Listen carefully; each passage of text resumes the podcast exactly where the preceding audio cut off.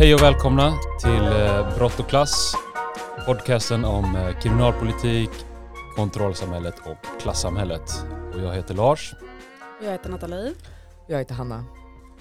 Och eh, idag fortsätter vi helt enkelt. För eh, vi har ett tidigare avsnitt där vi pratat om, eh, vad var det vi pratade om? Liksom så här, kriminologi och kriminalitet i allmänhet. Alltså själva begreppen och hur, eh, hur man kan diskutera det fram och tillbaka. Så där, där landar vi lite i att vi skulle köra nästa avsnitt och prata mer om eh, utvecklingen av det här mer specifikt. Vi pratar lite om eh, ut, utvecklingen av kriminalpolitik, hur det har sett ut, eh, kanske mest under senare tid. Så här, man, kan, man kan gå tillbaka hur långt som helst, alltså man kan prata om lag och brott och sånt, men det blir väl modern tid. Men så körde du lite fram och tillbaka här innan vi börjar nu och tänkte att det är ganska bra att vi kör en introduktion och pratar lite om själva brottsutvecklingen. Och då pratar vi om eh, brottsutvecklingen i Sverige under, vad, vad blir det, de senaste hundra åren ungefär? Ja men på ett ungefär, kanske mest egentligen de senaste, vad ska man säga, efterkrigstiden så att säga, sen andra världskrigets slut. Men precis som du säger Lars, så, eh, så vad, snackade vi lite om, behöver man inte känna till lite hur det egentligen sett ut med brottsutvecklingen i olika kategorier innan man liksom kommer in på det här med kriminalpolitiken. De hör ihop såklart. Men vi är också lite sådär att vi kanske i framtiden vill göra något specialavsnitt om liksom våldsbrottsligheten där man kan gå in mer på detalj i vad har ansetts vara brottsligt våld och hur har det reglerats i lag och även hur man kan mäta det på olika sätt. Så man kan väl säga att vi reserverar oss rätten att komma tillbaks till det här med brottsutvecklingen i större detalj längre fram. Absolut, och nu, nu är det dags helt enkelt att nu drar vi fram de hårda siffrorna här. Och inte för att vara torr och så här, men det finns jätteintressanta diagram tycker jag. Och liksom hur utvecklingen har skett. Alltså det, det, det är ganska så här, det, det, är inte alltid som man tror, tror att det är liksom. Och Hanna, du sitter där med, med de här staplarna i högsta hugg här nu. Så det, vad, vad, vad, är det första du tänker på som man, man bör lyfta fram när man pratar om brottsutvecklingen i Sverige då sen, sen slutet av andra världskriget ungefär?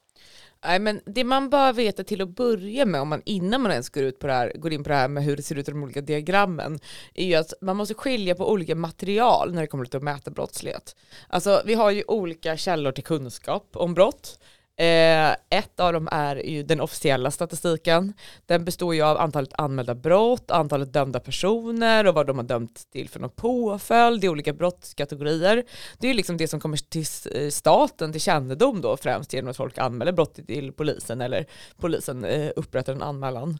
Så det är en man, grej. Förlåt, man, man, kan lägga till en sån källa som är typ eh, sjukvården också väl? Ja, fast det, det, vi kommer till det. Det, det, vi, ja. det, mm, det, är inte riktigt officiell statistik, för nu, när vi pratar om officiell statistik i det här fallet så begränsar vi oss till det som liksom är rättssamhällets officiella statistik. Liksom. Alltså det som ah, gör okay. med våra påföljder och anmälda brott och brott som kommer till polisens kännedom. Då. Mm. Så det är en källa då. Eh, brottsstatistiken kan vi kalla den helt enkelt. Och sen har vi det här med eh, andra statistiska material och där som du är inne på Lars så har vi ju sjukhusdata, vi har också så här dödsorsaksstatistik. Det finns också andra sätt man har försökt mäta till exempel hur många som, hur många som använder droger i en viss stad genom att mäta avloppsvattnet på olika restmaterial. Det är väldigt så nyhetsmässigt, passar bra i dagstidningar att prata om. Absolut. Avloppet i Stockholm, det är så mycket folk som drar ladd. Det är så och Göteborg mycket så här... är Europas eh, amfetaminhuvudstad, så vilket var föga förvånande kanske. Claim to fame. Och till de här, eh, de här olika materialen som vi just räknade upp så ska man också föra det här med enkätundersökningar. Alltså sen 70-talet eller så så har man ju utfört olika enkäter där man också frågar personer eh, om de är brottsutsatta, om de har utsatt någon för brott och ifall de har blivit utsatta för brott i så fall vilken, vilket brott och när och så vidare. och Så vidare. Så det är ju en slags eh, kompletterande datamaterial och det är ju inte heller påverkat av samma felkällor som liksom, den officiella statistiken. Alltså ett sånt material kan man, kan man ju kanske eh, också eh, få reda på en hel del brott som kanske inte har kommit till polisens kännedom, alltså brott som inte anmälts. Men förlåt, får jag bara sticka in där? Du sa att enkätundersökningar är säkrare på något sätt och att den andra statistiken har fler felkällor. Vad kan det vara för Nej, felkällor? säga då, så här, typ? alltså, det är säkrare kanske fel ord, men den har andra felkällor. Mm. Och när man ska göra korrekta uppskattningar om brottsligheten, då handlar det mycket om att liksom just titta och jämföra flera olika material, för att olika material har olika felkällor. Alltså när det kommer till enkätundersökningar, då vet vi till exempel att en felkälla där är vilka som svarar. Alltså vi har ett missrepresentativt urval av vilka som svarar. Liksom. Eh, men när det kommer till den officiella statistiken, då är ju den en konsekvens av allt möjligt förutom hur många brott som faktiskt sker. Och då tänker jag på polisens arbetsmetoder till exempel. Alltså om polisen ställer sig och letar efter fortkörare, då hittar man ju fler fortkörare. Om polisen ställer sig och letar efter ringa narkotikabrott, då hittar man fler av det. Om man, alltså vad polisen gör påverkar vilka brott som hamnar i statistiken såklart. Eh, sen är det en stor grej, vad är olagligt? Alltså förra avsnittet tror jag vi pratade en del om hur våldtäktslagstiftningen har förändrats. Alltså när fler eh, beteenden kan enligt lagen klassificeras som en våldtäkt, då kan ju också fler eh, liksom, våldtäkter anses ske. Men det är ju en konsekvens kanske av en lagförändring snarare än ett förändrat beteende. Förstår Men det, vad det är intressant, för då, då, kan man ju, då tänker jag direkt på att det finns fler felkällor, till exempel eh, domstolarna. Tänker jag. Typ Om, om, om, om eh, domstolarna dömer hårdare, då får man ju fler våldtäktsdomar också. Ja men exakt, och där kan man ju liksom titta på då flera aspekter av eh, den officiella statistiken, alltså typ hur många brott har anmälts, hur många leder till fällande dom, vad får de för någon straff, alltså det är ju olika aspekter av liksom, den officiella statistiken. Men precis som du säger Lars, att den återspeglar mycket allt det här med liksom hur rätten beter sig, alltså hur, eh, om dom, dömare, döm, domare dömer på ett annat sätt så återspeglas ju det också i statistiken. Liksom.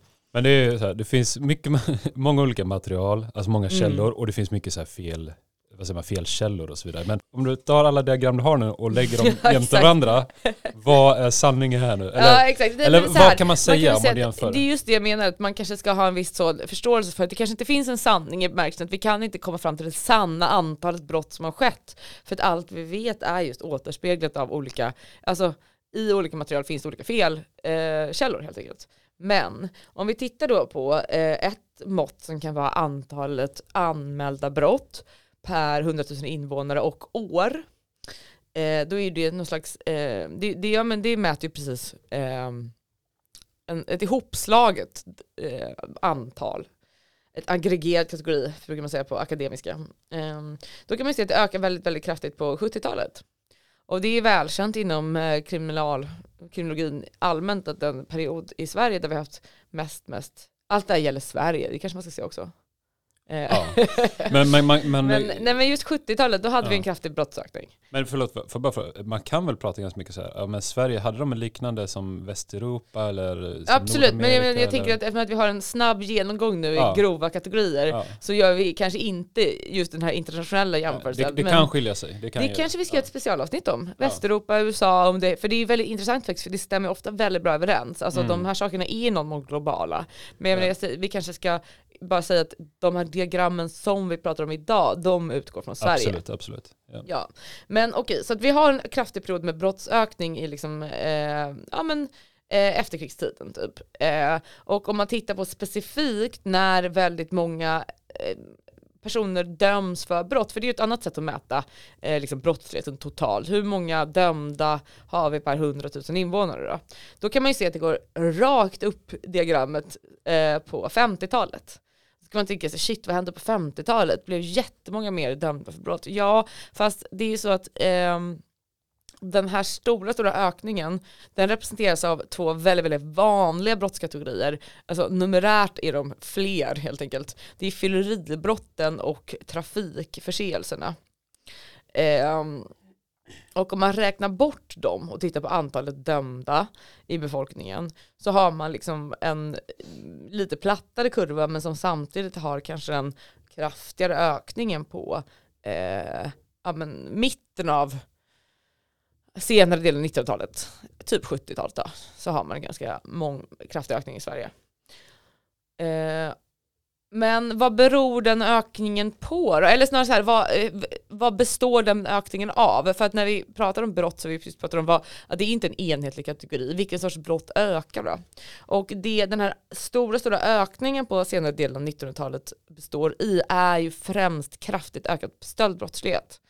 Okej, men du, du sa nyss också det är trafikförseelse och fylleribrott. Mm. Och sen kommer stöld. Är det samtidigt ungefär? Alltså allting kommer på samma gång? Ja precis, om vi, ja man kan säga att eh, trafikfylleri, alltså fylleribrott och trafikförseelse det är också en stor del av när de har och inte har räknats som riktiga brott. Man liksom tagit, flyttat in och ut dem ur så här brott, den officiella brottsstatistiken så att säga olika tillfällen. Och sen tänker du trafikförseelse är också typ att det är väl då folks, eh, många fler hade väl bil, eh, alltså det, det ökar liksom tänker jag under 50, 60, 70 också kanske. Eh, För det är, Ja, något, det är men- någonting man alltid hör om så här att oj, stöldbrottsligheten gick upp jättemycket under, eh, efter, efter andra världskriget.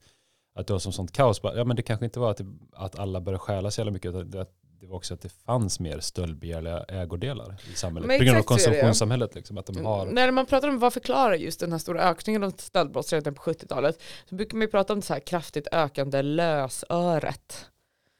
Alltså i princip hur många saker som finns i omlopp. Vi har liksom betydligt mindre saker innan den här liksom, men så här, det har ju med såklart att så här, alltså plast gör också ett inträde. Alltså det är ju en välkänd del av så här, den ökade konsumtionen och sånt. I. Folk stjäl radio istället för att stjäla en ko eller en häst. Ja Det är precis, lite och det är väl smidigare. enklare också kan jag tänka mig. Eh, Det låter ganska jobbigt att skära en ko eller en ja, häst. Ja, precis. Och det blir fler mopeder, fler bilar. Exakt, just det. Mopeder också, Ja, bilar. Det är väl det som är den stora liksom. faktorn tänker jag. Absolut. Och, och pratade inte vi om det någon annan gång? Jo, du nämnde det Lars i förra avsnittet att eh, eh, typ alla inbrott eh, anmäls på grund av att ja, folk vill ha ut cash från försäkringen. Ja, just det. Så Jag här, tänker, ja. ha, har försäkringar och, och, och sånt någonting med den här ökningen under 70-talet att göra också? Mm, alltså det är väl från 70-talet man också har en större, större försäkringstäckning. Liksom. Jag tänker att det säkert finns en del i eh, det är väl att stöldbrottslighet kanske uppfattas som ett, liksom, eh, ett brott som gör mindre personlig skada. Alltså man kan ju säga att om vi tittar historiskt på hur man har sett på olika brottskategorier, eh, vi kanske nämnde det i förra avsnittet, att förr i tiden så såg man ju inte att våld var något större problem, utan den brottskategori som man var liksom mest orolig för i samhället var ju stöldbrottsligheten. Och det var ju innan vi hade sådana system som försäkringar och då kan man ju teoretiskt tänka sig att på den tiden så var det ju också ett mer riktigt problem om någon stal typ något viktigt för en, ens ko eh, så kanske det påverkade hela ens familjs eh, liksom möjlighet att överleva vintern, typ. alltså ens materiella förutsättningar. Typ.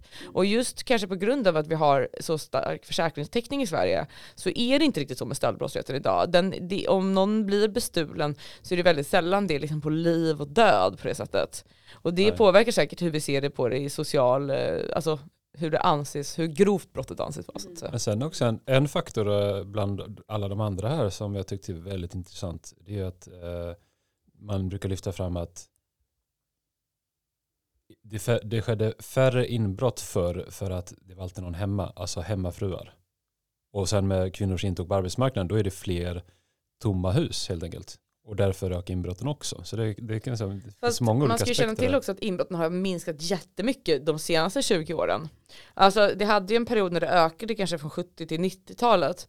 Men inbrott precis som många andra tillgreppsbrott har minskat mycket under 00-talet och 10-talet. Men det är det så här säkerhetsdörrar och larm och sådant. Det är nog en aspekt där. För det kan, Alla, alla har kamphundar kanske. Ja, inte så mycket kampud men definitivt kanske, alltså, om man pratar om liksom, det du beskriver i en form av så här, situationell brottsprevention, att man kan liksom försvåra att brott händer och det har ju varit en jättestark trend i vårt samhälle.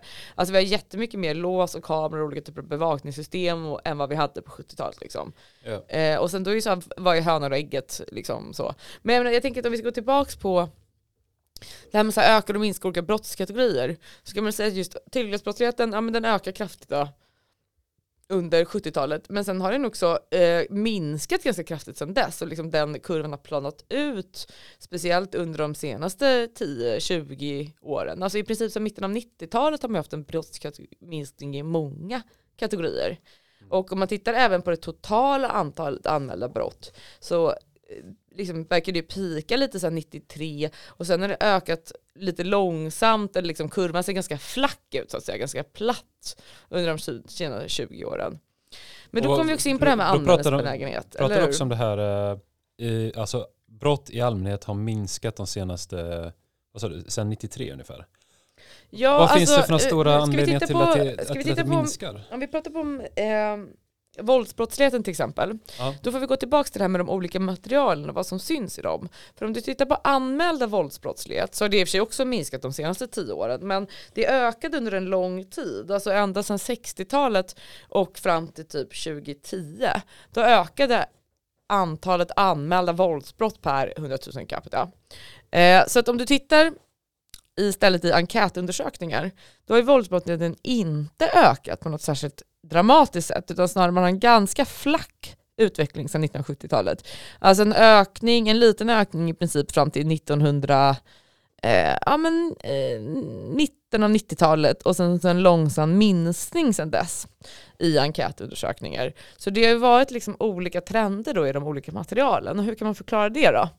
Jo, då brukar man ju säga att eh, anmälningsbenägenheten har ökat och mörkertalet då beräknas minska. Och det betyder i princip att en större andel av det våld som sker kommer till statens kännedom i den liksom officiella statistiken. Alltså att folk är mer benägna idag än på 70-talet att se till exempel eh, ett våld, se ett våldsbrott ske och då anmäla det till polisen. Till skillnad från att då inte anmäla det till polisen. Det kan ju gälla till exempel, jag menar, ett exempel på det eh, som Felipe Estrada skriver om i sin eh, bok är väl hur mycket våld också som anmäls från skolan. Ja, precis. Ja, den, det var ju någonting man, lä, man läste någon artikel om det i alla fall när jag, gick, eh, när jag pluggade kriminologi. Och det var ju jätteintressant för att vad han menar är väl att förr i tiden i skolan då slogs barn och det var inget med det. det. Det är så de gör. Men idag är det mer så här, ja de slåss och då tillkallar man direkt polis för mer eller mindre, många fler incidenter i alla fall. Och det är ju, har det blivit våldsammare? Nej, det är bara anmälningsbenägenheten då, kanske som har ökat. Ja, och det är ju jättekonstigt att kalla på polis på personer som man inte ens kan ställa inför rätta liksom. Nej, precis. Och, och sen tänker jag att det, det är, vad ska man säga, det är ett modernare samhälle på något sätt. att Förr tänker jag att man, det var som att, okej, okay, det var ett mindre samhälle på något sätt. Ja. För, för de menar liksom att ja, du, läraren känner kanske föräldrarna i det här lilla samhället och varför ska man tillkalla polisen då? Utan jag kommer prata med mina föräldrar istället. Man ska inte glömma att länge fick ju också både läraren och föräldrarna slå barnet. Ja. Alltså det Just har ju det, inte varit ja. brottsligt så himla länge. Alltså, Sverige var ju, som vissa säkert känner till, först i världen med att kriminalisera barnaga. Eh, men det gjordes ju först, alltså det 1979 tror jag, 1978? Någonstans 78. 70-talet i alla fall. Ja. Eh, och då tror jag att det är så att eh, 1981 då, då var ju endast är det 6% tror jag av alla våldsbrott hade en minderårigt offer. Alltså av, sex, av alla våldsbrott som anmäldes då 1981 i Sverige så tror jag att det är 6, 6% som hade ett minderårigt eh, offer. Och motsvarande siffra tror jag 2016 är tror jag 27%. Eh, jag drar de här siffrorna i minnet. Det är från Henrik Tams utmärkta bok eh, Svensk kriminalpolitik 1965 till 2010 eh, som jag memorerar de här siffrorna ifrån. Eh, men då kan man fråga sig så här, om det är då en mycket större andel av det anmälda våldet idag som har ett minderårigt offer, tror vi verkligen att det är fler barn som blir slagna idag än precis efter barnaga kriminaliserades? Nej, men det är väl att, eh, som du, jag antar inne på, att det är en utveckling där, att folk liksom vänjer sig vid att faktiskt anmäla sådana här grejer. Tänker jag. Ja, och att det folk, blir- det känns brottsligt för folk också. Ja, alltså det, är någon väl- slags allmänt rättsmedvetande också på något sätt. Men det är väl lite den här teorin att ja, men du, vet, du, du stiftar en lag och efter ett tag så kommer folk vänja sig vid att det faktiskt är ett brott. Alltså att du, du skapar nya normer genom lagstiftandet. Ja men precis, alltså att, där kan man säga att det finns ett dubbelsidigt förhållande då, mellan både normen och lagstiftningen. Att lagstiftningen påverkar Mm. normen och normen påverkar lagstiftningen. Så det är väldigt svårt Exakt. ibland att säga vad som är hönan och ägget där. Men jag tror att om vi pratar om våldsbrottslighet generellt och eh, då i det här fallet så var vårt exempel våldsbrottslighet mot barn då. Att det går, vi går ju definitivt mot en högre känslighet. Alltså vi, det är inte socialt accepterat att slå barn längre. Och det är inte heller i samma utsträckning socialt accepterat att slå, slå vuxna eller att vuxna liksom slåss Nej, sinsemellan. Ja, det kommer jag ihåg redan från alltså, under min livstid. Alltså, när jag började gå ut på stan alltså, så här, runt år 2000 då var det ju det är att jag är från en mindre stad också kanske, men jag tror även det är en samhällsutvecklingshistoria, att då är det mycket vanligare med slagsmål. Alltså så folk slogs varje kväll utanför krogen, alltså hela tiden. Men nu om jag skulle gå tillbaka till exakt samma ställe i min lilla hemstad så tror jag att folk inte slåss alls i samma utsträckning. Att det har blivit mindre eh, kulturellt accepterat. Ja, synen på våld har ju förändrats jättekraftigt. Nu är det någonting som är oerhört allvarligt som man måste ta på väldigt stort allvar.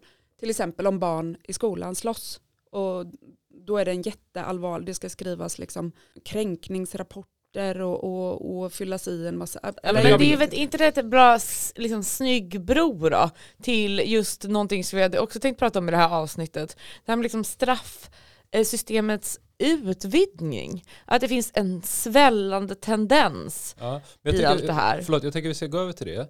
Men jag tänkte bara om, om vi kan så här ganska kort vad är det vi har pratat om nu? Vi har pratat om att... Uh, ja, men vi ska och... recappa lite då, ska man mm. säga så här. Brottsligheten i, som helhet är det lite svårt att, att prata om liksom aggregerad brottslighet. För att vissa eh, ganska så milda brott som är väldigt vanliga får sånt himla stort utslag i, statistiken som till exempel liksom, trafikbrott och så vidare. Precis. Men om vi tittar i de här stora brottskategorierna, till exempel tillgreppsbrottslighet, alltså stöldbrottslighet eller våldsbrott, så kan man väl säga att eh, tillgreppsbrottsligheten ökade kraftigt under 1700-talet, 1700-talet, 70-talet det är ganska intressant att fundera på hur det såg ut under 1700-talet. Det kan vi kanske återkomma till i något annat avsnitt. Eh, men under 70-talet då ökade ju tillgreppsbrottsligheten kraftigt. Den ökningen har sedan eh, avstannat och sen övergått till en minskning då, främst från 90-talet fram till idag.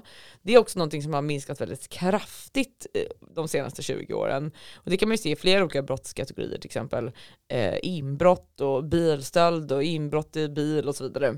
Ehm, Våldsbrottsligheten är lite svårare att tyda för där kan man se att det är två olika material. Om du tittar i anmälda brott och till exempel i enkätundersökningar så finns det lite olika trender och det beror på att vi brukar prata om en ökad anmälningsbenägenhet när det kommer till våldsbrottsligheten. Men där kan man se att man också har en ökning eh, som i och för sig är svagare i enkätundersökningarna och starkare i eh, antalet anmälda brott liksom från 70-talet Eh, och i antalet anmälda brott så fortsätter den ökningen hela vägen till 2010. Men enligt enkätundersökningarna så är det snarare att man har haft någon slags minskning då, eh, under de senaste 20 åren istället för de senaste 10 åren. Eh, men definitivt även en minskande tendens under de senaste 10 åren. Eh, och där kan man också säga att när vi pratar om andra material, då, den bekräftas ju också av, om du tittar på just patientdata, så kan du titta på antal som har sökt vård till följd av våld till exempel. Där kan man också se en svagt minskande tendens under de senaste 20 åren. Så för att sammanfatta så har det minskat? Många brottskategorier har minskat ja. ja. Men, men framförallt också... så har väl våld har väl kan man säga minskat eh, generellt? Eh, det kan man säga att under de senaste tio åren så har också antalet anmälda våldsbrott minskat. Men Eh, där kan man ju snarare säga att den kategorin ökade länge, alltså fram till 70-talet, fram till 2010 ungefär. Men när man då jämför det med andra material, till exempel att fråga folk hur ofta de har blivit våldsutsatta, så kan man ju se liksom en mycket mindre dramatisk utveckling. Ja. Och därför, just det här med att inom kriminologin kan vi inte riktigt särskilja på eh, jag menar, just vilka felkällor som finns i materialen vi måste ha med det hela tiden när vi, när vi pratar om utveckling. Och ja, om man pratar om det här, eh, alltså vad man brukar prata i samhällsdebatten om det här, eh, gängskjutningar och sprängningar och liknande, då är det ju specifika våldsbrott man pratar om. Att de har ökat men att våld... Ja, skjutningar har ökat, men ja. det är också ett sånt himla Alltså om man tänker på antalet skjutningar som sker på ett år versus antal så vanliga misshandelsbrott som anmäls så står ju skjutningarna för en väldigt liten del av liksom mm. den totala våldsbrottsligheten. Ja men det är det som vi pratar om, det är ju olika eh, brottskategorier men sen även så här, vad ska man säga, subkategorier. Och det är det man får gå in på specifikt för att sen verkligen lära sig någonting och förstå vad det egentligen handlar om tänker jag. Ja, men, men jag tänker vi kanske ska runda av just det med eh, och gå över lite mer till, okej, okay, det här är brottsstatistiken i sig. Ja, det låter men, men vad är relationen då liksom med att, eh, okej, okay, det var en stor ökning av brott eh, och det var också någonting, som jag förstått det, så är det typ så här, det, det, var inte bara att brotten ökade utan det var också något som uppmärkades eh, i media. Alltså det var så här, på 70-talet var det ganska uppmärksammat med så olika våldsbrott och man tyckte att ungdomsbrottsligheten ökade och hit och dit. Men... Fast inte särskilt mycket, alltså så här tror jag man ska tänka. Eh, idag lever vi i ett samhälle som är genomsyrat av brottslighet på olika sätt. Alltså vi pratar jättemycket om kriminalpolitik, det är en stor del av vår politik, det är en stor del av vår kultur, alltså på, det, vi tittar på det på tv, vi läser böcker och så vidare. Det läget hade vi liksom inte på 70-talet. Utan det, var, det fanns ju ändå så här mycket spektakulära våldsbrott på 70-talet. Tänker jag. Mm, men alltså, om, du, om du skulle jämföra idag med 70-talet så tror jag fortfarande att man får tänka att brottsligheten var en mycket, mycket mindre del av liksom, den samhälleliga samtalet på den tiden. Och vår politik, alltså tittat på liksom, antalet kriminalpolitiska motioner till exempel. Hur stor del eh, kriminalpolitiken var politiken så att säga. Ja. Så finns det ju nästan Nej, men jag pratar, jag, jag pratar om media där, jag tänker så här, det var ändå ett samtalsämne säga, kapningen på Bulltofta flygplats och de här terroristdåden när de avrättar Kroatien ambassadör och det är gisslantagande, det är uppmärksammade rån och så vidare. Och jag menar, det där finns, men skillnaden från idag är att det inte blir samma genomslag i politiken. Och det är det där inne på han med att det var inte lika många kriminalpolitiska motioner. Alltså politikerna tar inte upp det, de behandlar inte frågan på samma sätt. Man Nej. tänker sig att de borde, gjort, de borde betett sig samma Nej, sätt på 70-talet som ja. idag. Exakt, och det, det, är väl lite det, lite... som är hela den här paradoxen. Exakt, alltså när man tänker att på den tiden så hade vi då en faktiskt ganska kraftig brottsökning i Sverige. Som man så är det liksom flera, både våldsbrottsligheten och stöldbrottsligheten till exempel. Men vi hade väldigt lite på sätt och vis kriminalpolitik. Och det är lite paradoxalt gentemot att under de senaste 20 åren så har det verkligen sett ut på det motsatta hållet. Att vi har haft en brottsminskning men trenden när det kommer till kriminalpolitiken har ju snarare varit en kraftigt ökande trend, alltså verkligen en utvidgning av hela straffsystemet kan man ju säga. Vi hade lite material, vi, vi, vi kikade lite snabbt på den här, eh, vad heter det, Tams, eh, Henrik Tam va? Eh, hans bok där, eh, då pratade om trenderna att eh, det har skett så här, när man kollar de här lagarna, vissa lagar som har försvunnit, till exempel så här, eh, pornografilagar, Uh, är det, är det så religiösa saker, alltså sexualrelaterat sånt som... Uh, och sådana försvinner ju tänker jag. Men sen är det nya lagar som tillkommer. Man kan säga alltså Henrik Tam har en eh, väldigt bra analys som jag tänkte att vi kunde gå in lite på. När han har gått igenom eh, varje regeringsperiod eh, från, vad är det, från typ 60-talet tror jag. Eh, från 65. Mm. Och så har de gått igenom varje eh, lagändring och så har han kategoriserat det här utifrån om det innebär en minskning eller en utvidgning av straffsystemet så att säga. Så att om man tänker att en kriminalisering är en utvidgning och en avkriminalisering en minskning. Men också en straffskärpning, det är också en utvidgning. Medan om man hade straff, liksom minskat straffvärdet på, en brott, på ett brott så hade det varit en eh, minskning. Eh, och även sådana saker som att ge polisen ökade befogenheter, alltså eh, allt det här räknas in så att säga. Och då tänkte jag att vi kunde gå och titta lite, vad, hur har det sett ut då, Nathalie, i de olika perioderna?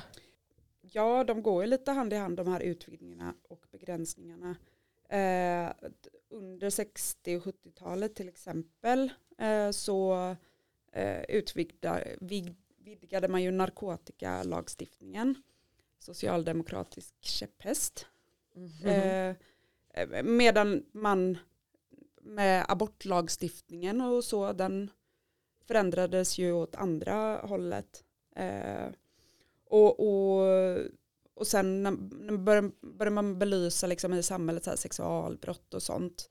Eh, och det togs ju upp på politisk nivå och kriminaliserades allt mer och mer. Eh, ja, samtidigt som eh, ja, men man tog bort eh, typ eh, ungdomsfängelser.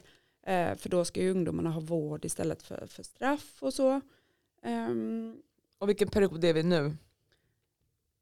Ja, 70-80-talet. Mm. Uh, under uh, 90-talet så är det också så här narkotikalagstiftningen, ja den fortsätter ju att bli hårdare och hårdare och hårdare.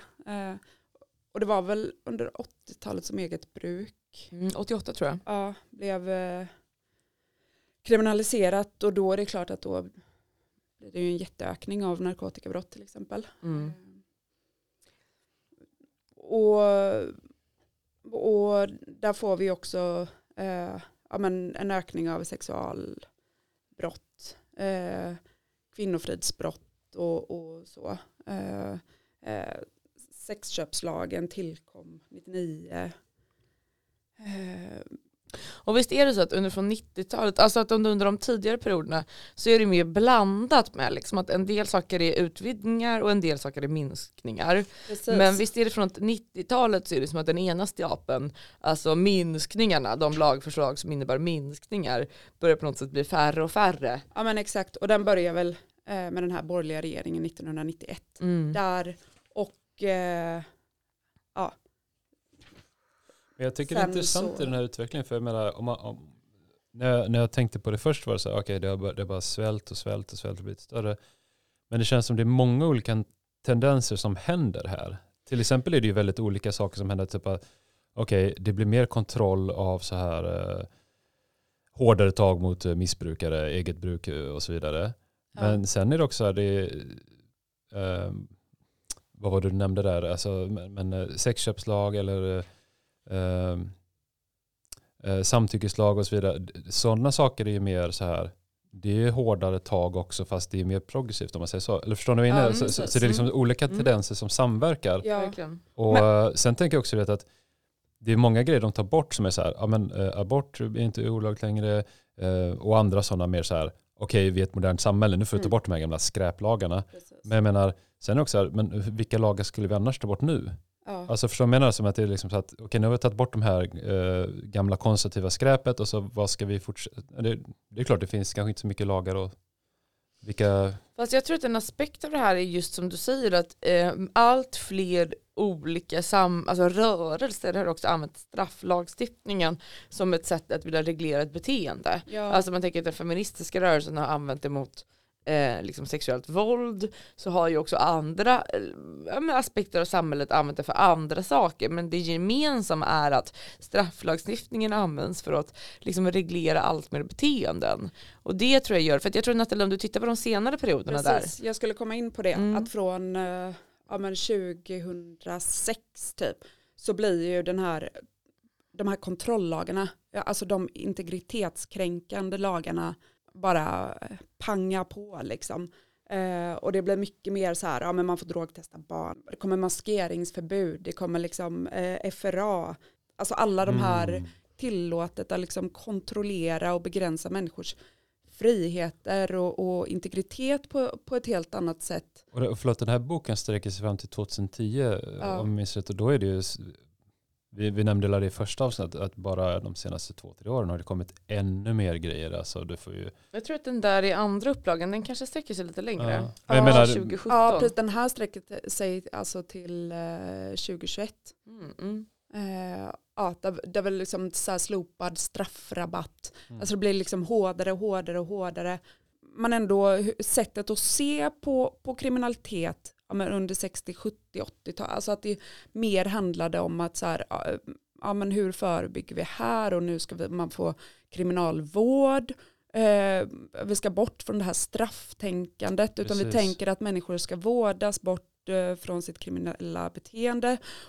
Och nu, nu är vi liksom tillbaka i att det ska straffas, straffas, straffas och genom hot med- om straff Ja. så kommer brottslighet försvinna. Liksom. Jag tror de, eh, han nämner dåvarande justitieminister, om det var Lennart Geijer, socialdemokratisk justitieminister, för han var han eh, pratade om det här att ja, men vi behöver bara några hundra fängelseplatser och hans tanke var väl liksom att så många som möjligt ska inte vara i fängelse. Mm. Alltså bara, bara de direkt farliga individerna ska vara i fängelse och, och då ska det resten vara kanske fotboja eller du vet, så här, fri, alltså så här, vad heter det, andra sorters åtgärder. Mm. Medan man idag har verkligen gjort en, en vändning mot att nej, straff ska vara straff och du ska sitta hela tiden. Alltså det blir mer den här, eh, man har gått lite från att vara ganska relativ och liksom ha en mer human syn till att bara, men nu har du fått de åren, nu är det straff som gäller, du ska sitta i fängelse och så är det med det. Och jag tror också att det, det är ju det här med magnituden på det också på något sätt. Alltså om vi tittar under den senaste eh, socialdemokratiska regeringsperioden som Tam analyserar från 2014 till 2020 så är det alltså eh, två lagförslag som innehåller, innebär en minskning och 43 lagförslag som innebär en ökning. Alltså det är en ganska så här radikal skillnad på något sätt. Eh, och jag tror att för mig kan jag nog också tänka så här att många av de här är liksom i sig, i, just när man eh, för vissa av de här som typ eh, barn och våld i nära relationer och liksom eh, sexuellt våld och så vidare så tror jag att det varje i sig kan framstå som liksom rimlig och lämplig på många sätt.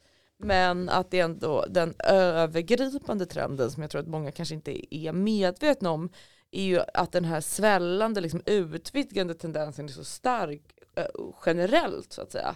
Att det finns inte kanske som 70-talet att det kanske fanns en balans typ att det var ungefär lika många lagförslag som minskade ner och ökade upp rättssystemets både kontrollfunktioner och liksom rätt att straffa och antal beteenden som var kriminaliserade. Medan nu för tiden så har den absolut dominanta trenden varit att öka upp hela tiden. Jag tänker man kan, jag hade en tanke att man kan förstå liksom den här tendensen på minst två olika sätt. Dels tänker jag att det var någonting som eh, i ett annat dokument skickat till oss Hanna så nämnde de här att även i USA är det så här att det här har svält, alltså lagarna har svält, att det kommer fler och fler lagar, det bara expanderar och expanderar.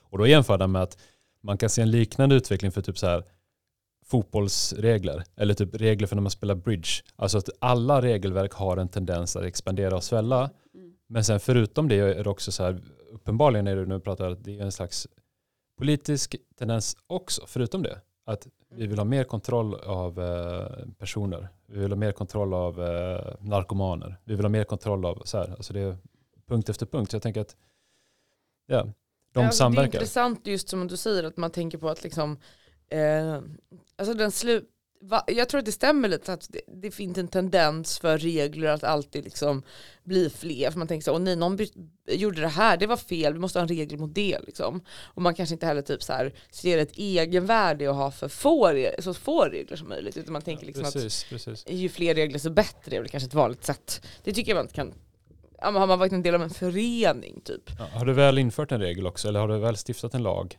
så är den ju väldigt mycket svårare att ta bort än att och så här. Alltså när den väl finns så kommer den finnas. Mm. Och sen är det också så, det kan man vara eh, kritisk i allmänhet och säga att har du, har, har du väl startat eller stiftat en lag eller instiftat en så kontroll, kontroll eller repressionsinstans så kommer den användas för andra saker. Och det kan man ju mm, speciellt, också, ja. speciellt rikta som till eh, kamrater i vänstern som säger så ah, vi ska förbjuda rasistiska organisationer, vi ska förbjuda nazistiska organisationer. Ja, men de kommer nog förbjuda typ alla organisationer de inte gillar helt enkelt. Och ja, det är inte så, ja, det, för det är ju också en väldigt... Det ligger i sakens natur. Liksom. Ja, det är också en väldigt så här populistisk grej som, som jag tycker att man ser mer och mer på, på saker och ting som man vill liksom visa att det här tar vi på jättestort allvar, det här, det här är en allvarlig grej. Då blir liksom hela diskussionen kring nu ska, här ska stiftas en lag. Mm kring ja, det. Och det måste bli, alltså exakt, om man vill lösa ett samhällsproblem, till exempel mäns våld mot kvinnor, då är det som att det är vapnet man tycker att man ska ta till. Och just det här är en rimlig kritik tror jag att rikta mot, ja, men till exempel eh, vissa delar av feministisk rörelsen då. Att det vapnet man tycker att man ska ta till är liksom att man ska ha strängare straff och att fler ska anmälas till polisen och jag menar, det, det kan ju vara, jag menar, det kanske gör en viss nytta men jag tycker det är ganska naivt att tro att det är så man typ bekämpar ett beteende. För att det finns en massa forskning som visar att rättssystemet är ett extremt dåligt verktyg för att faktiskt bekämpa ett beteende med. Alltså det kan vi se exempelvis på hur hög återfallsfrekvens vi har i brottslighet. Alltså vi vet till exempel att om vi sätter folk i fängelse då är det större chans att de begår mer brott, inte mindre. Alltså då mm. vet vi till exempel att fängelse inte det verkar funka jättebra för att minska brottsligheten. Nej, man kan alltså, se det också, man, om man ingen... pratar om eh, alkohol eller droger, hur mycket folk använder, om man, om man kollar på djupet så är det ofta det är inte just lagarna som bestämmer folks beteende utan det är djupare ekonomiska, kulturella och sociala mönster av beteende som, är, som bestämmer helt enkelt. Ja, men det är, så det är, ja, det är en sån enkel lösning av politiker också. Mm. Att så här, nu har, vi, nu har vi gjort någonting åt det här problemet. Alltså sexköpslagen är ju ett jättebra exempel på det och nu är jag för sexköpslagen. Men problemet där är ju att enligt den här prostitutions utredningen, den enorma som gjordes som ledde fram till sexköpslagen, så skulle det ju vila på två ben. Mm. Eh, varav det andra benet var alltså sociala insatser Konstigt att man alltid glömmer bort det benet. Precis, för det är så jävla Det är- dyrt och det innebär att vi måste förändra vårt samhälle till, till ett mer jämlikt och rättvist Det var så himla samhälle. bra Ja, det låter exempel Natta. Fett, för fett jobbigt det där alltså. Ja men det Ja. där är så himla bra exempel, inte det ett perfekt exempel på vad som är fel med liksom hela rätts, kriminalpolitiken och rättsväsendet. För inom kriminologin, om vi ska prata om saker man allmänt vet, så är det som att, precis som ni säger, liksom att rättssystemet är extremt jävla trubbigt och det har väldigt dålig, ganska lite effekt på liksom beteendena i helhet. Alltså saker, ett beteende minskar inte nödvändigtvis bara för att man har ökat straffvärdet på det liksom. Men, och då vet man dock okej, men vilka samhällen har mindre brott, liksom, vilka samhällen funkar bättre? Jo, då är det ganska ekonomiskt jämlika samhällen med starka sociala institutioner och det innebär ju liksom bra vård, skola, starkt kulturliv, sånt jox liksom. Klassisk så här sossepolitik. Eh, då vet man ju att det är det minskar brottsligheten liksom. Men hör vi något snack om det i kriminalpolitiken? Nej, för det är lite som, precis som du säger Natta i liksom, exempel med sexbrottsstiftningen, att det skulle, alltså det här sociala benet så att säga, som alla kanske egentligen vet kanske skulle fungera till skillnad från det repressiva benet. Det liksom glöms bort eller prioriteras bort eller omnämns inte riktigt och folk vet ju i och för sig att det är viktigast men konstigt nog så finns det aldrig några förslag riktade mot det till exempel. Nej, det är ju liksom en, eh, en stor kritik. Jag tycker det, det är väl lite eh, någonting vi kommer absolut återkomma till. För jag tänker det är, det är mycket som du säger Hanna, att eh, pratar man liksom om eh, kriminologer som jobbar med de här frågorna, då är det så här, det, det bara glöms bort väldigt bekvämt. Men, men jag, jag tänker, vi kan börja runda av lite. Nu, nu har vi kört, eh, jag vill bara säga det Nathalie, det här om eh, sexköpslagen och så vidare, det är kanske någonting vi kan lyfta i ett eh, senare avsnitt också. Jag tycker det är Absolut, jätteintressant. Men kan vi ta ett exempel till? För att natten på vägen hit så tog du upp din grej och så la jag så direkt embargo för jag var så här, eh, nej vi pratar om det här i podden istället. För att, eh, hade det inte kommit en ny sån här lex? Nej, det var ett förslag. Ja men okej, ett förslag på en ny lex. Ja, i morse läste jag, eller ja, min partner läste högt när han scrollade på GP. Eh, att eh, var, var det förra året, det var en 15-årig pojke som, som jättebrutalt eh, våldtog och kraftigt misshandlade en typ nioårig flicka och lämnade henne i skogen för att dö. Eh, men hon överlevde liksom mirakulöst. Eh, den här flickan heter Luna och nu eh, vill man alltså ha en lex Luna eh, som innebär att eh, sekretessen mellan olika myndigheter eh, ja, men ska uppluckras eh, så information får lämnas mellan skola, socialtjänst och polis. Och det är lite så här, för det första så finns ju redan det. Eh, man, Samverkan kallas det. Det är, Precis. liksom det, det är metoden som ska lösa alla problem inom socialt arbete. Och, nej, utan skolan har en plikt liksom att anmäla oro till socialtjänsten.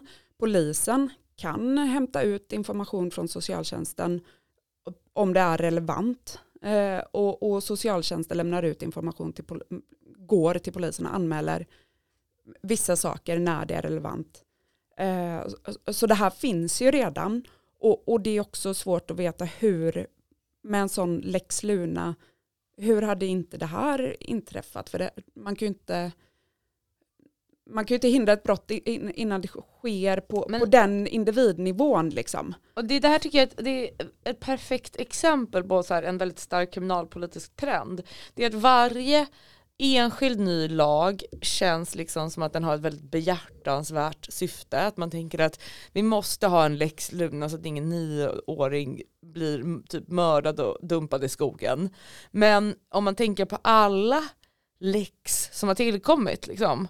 Alltså det är Oj, lite ja. som att så här, aha, ska varje he- varje fruktansvärt brott kanske inte nödvändigtvis behöver ha, få en ny liksom, specifik lag stiftad efteråt. Liksom. Men, För det första så har vi ju redan lagar mot att våldta, mörda och lämna folk i skogen. men Oavsett om det är barn eller vuxen. Liksom. ja, för, för, för det är liksom som, som att ja, vi, om, om vi inte skapar en lag eller gör en s- straffen hårdare så tar vi inte det här på allvar.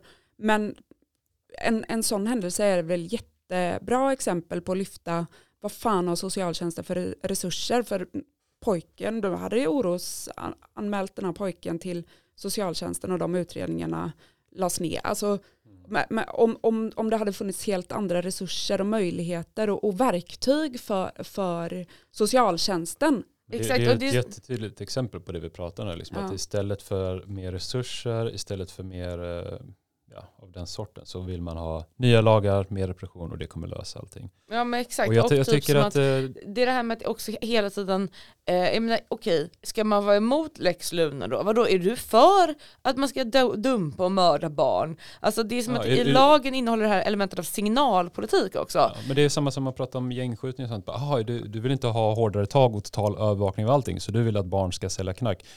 Ska folk lite den här- skjutas på gatan utanför Det är, ju, det är ju lite den här samma politik. Vill du ha det som i Sovjet? Alltså det finns en slags, eh, Ja. i hela det här finns en signalpolitik som precis som Natte säger också att så här, nej fast när du granskar varje enskilt fall då kanske det visar sig att okej, ja hade vi haft resurser till socialtjänsten så behöver vi liksom inga fler nya lagar för att då hade det här kunnat lösas ändå av till exempel att det har redan anmälts till socialtjänsten.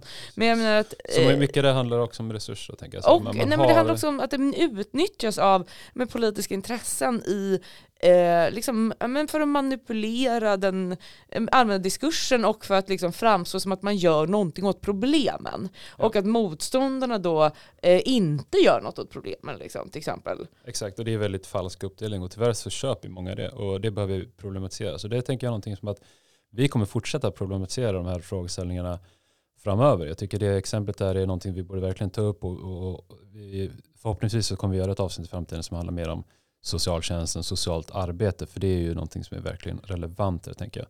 Men jag tänker vi kan runda av det lite. Vi har, vi har kört, eh, kört mycket tuffa diagra diagram och hårda siffror idag och det känns som vi benat ut mycket och förhoppningsvis har ni där hemma lärt er en hel del och fått eh, några föreställningar upp, eh, vända upp och ner för det har jag har definitivt fått när vi pratar om all den här eh, statistiska utvecklingen och så vidare och jag tycker vi landar också i något fint att eh, det är något av vår hjärtefråga här att eh, eh, som jag nämnde först det här, men förbud av alla politiska eller så här, eh, rasistpartier och så vidare, det kommer lösa allting. Eller vi förbjuder det här så kommer det lösa allting. Det är, något, det är tänker jag en röd tråd som vi kommer fortsätta på fram, framöver i, i eh, Ja men exakt, problematisera den här Och, idén om att förbud faktiskt är ett bra sätt att Ja. lösa saker. Ja. För det är en ganska sån Så som simpel, ett antagande som folk gör. Och det Ja. tror jag precis som du säger, vi kommer återkomma till det i framtiden också. absolut. Tyvärr funkar liksom inte lagen på det sättet. Det hade varit kanske enklare om det vore så, men man får ju utgå från det faktiskt Har vi någonting också. eh, mer att tillägga nu innan vi rundar av? Eh, Nej. Då tycker jag vi säger eh, tack så mycket för att ni lyssnade och så hörs vi snart igen. Och ehm, då säger vi hej då. Hej då.